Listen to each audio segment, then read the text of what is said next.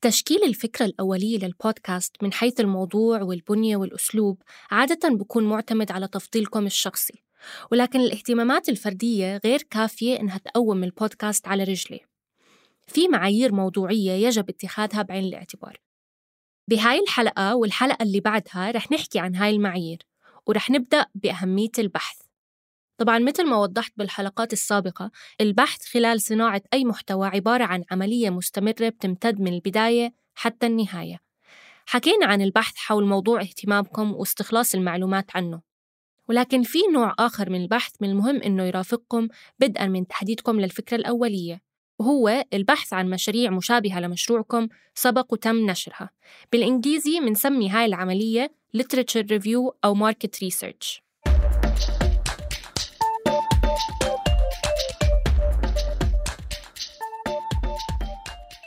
لنفترض إني كتير مهتمة بموضوع الزراعة وحابة أعمل بودكاست معرفي علمي حول أنواع المحاصيل والبذور اللي بتنمو بالمنطقة العربية.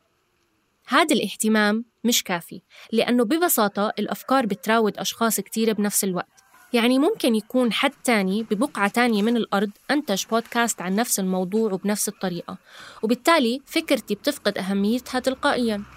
مهمتي إذا أكشف عن هاي التجارب السابقة وأتحقق منها قبل ما أباشر بتطوير فكرتي وتنفيذها لحتى أقدر أعدل على فكرتي أو أغيرها بحيث إنها تقوم بتقديم محتوى نوعي ومختلف عن اللي سبق وتم نشره.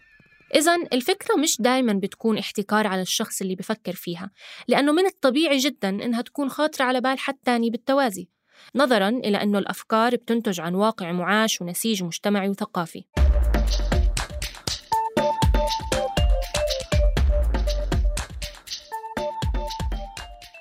طيب خلينا نرجع لبودكاست الزراعة. طبعا بهمني ألاقي إذا في بودكاست بتناول نفس الموضوع ولكن كمان مهم أعرف إذا تم مناولة الموضوع من خلال وسائط أخرى مثل مثلا أفلام وثائقية أو فيديوهات أو حتى تقارير مكتوبة. وعشان أخلي مجال البحث واسع قدر الإمكان ممكن أبدأ عن طريق استخدام كلمات مفتاحية عامة حول الموضوع.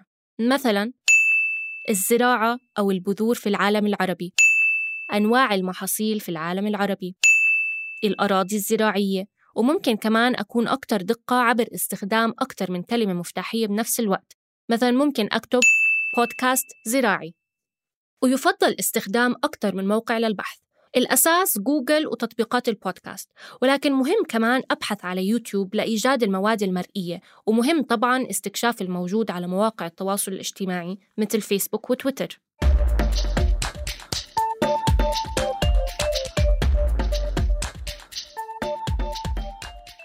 لنفترض أني لقيت بودكاست معرفي بالإنجليزي عن أنواع المحاصيل بأمريكا اللاتينية. هل هذا بيعني أنه الفكرة تم استهلاكها وبطل في داعي أنفذها؟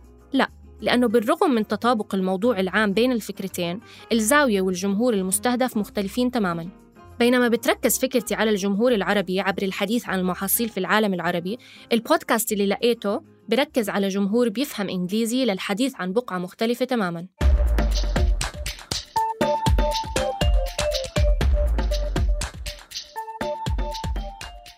طيب لنفترض لقيت فيلم وثائقي بالعربي بيحكي عن أنواع المحاصيل بالعالم العربي هل هذا ممكن يخليني أعيد النظر بفكرتي؟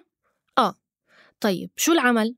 طبعا كون الوسيط المستخدم بحالتي هو البودكاست هاد تلقائيا بيميز فكرتي عن فكرة الفيلم ولكن مش غلط كمان أفكر كيف ممكن أتميز مش بس من حيث الوسيلة ولكن أيضا من حيث المحتوى ممكن مثلا أقرر أذكر المحاصيل اللي ما تم ذكرها بالفيلم أو أعمل مقابلات مع أشخاص مختلفين عن اللي تم مقابلتهم بالفيلم. مثلا ممكن أتحاور مع مزارعين بدل ما أعتمد على الخبراء أو العكس.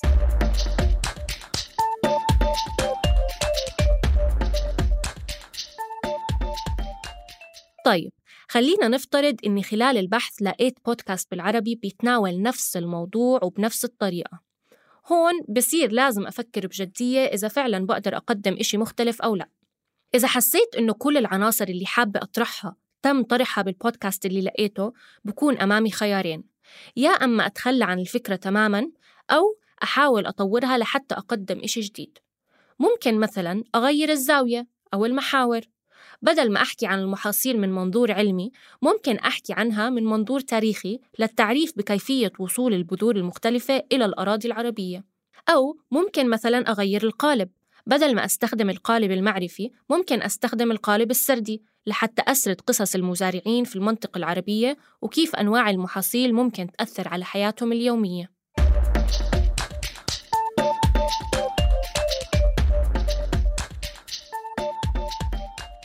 بكل الأحوال ومهما كانت الخيارات اللي بنتخذها لما نلاقي حالنا بمواجهة هاي الصراعات من المهم التذكر إنه المحتوى المشابه لمحتوانا مش مجرد منافسة مزعجة فقط لكنه أيضاً فرصة لتطوير محتوانا والبناء على تجارب الآخرين. طبعا عملية البحث هاي بتنعمل بالأول قبل التنفيذ ولكنها بترجع بتنعاد خلال العمل على كل حلقة من الحلقات.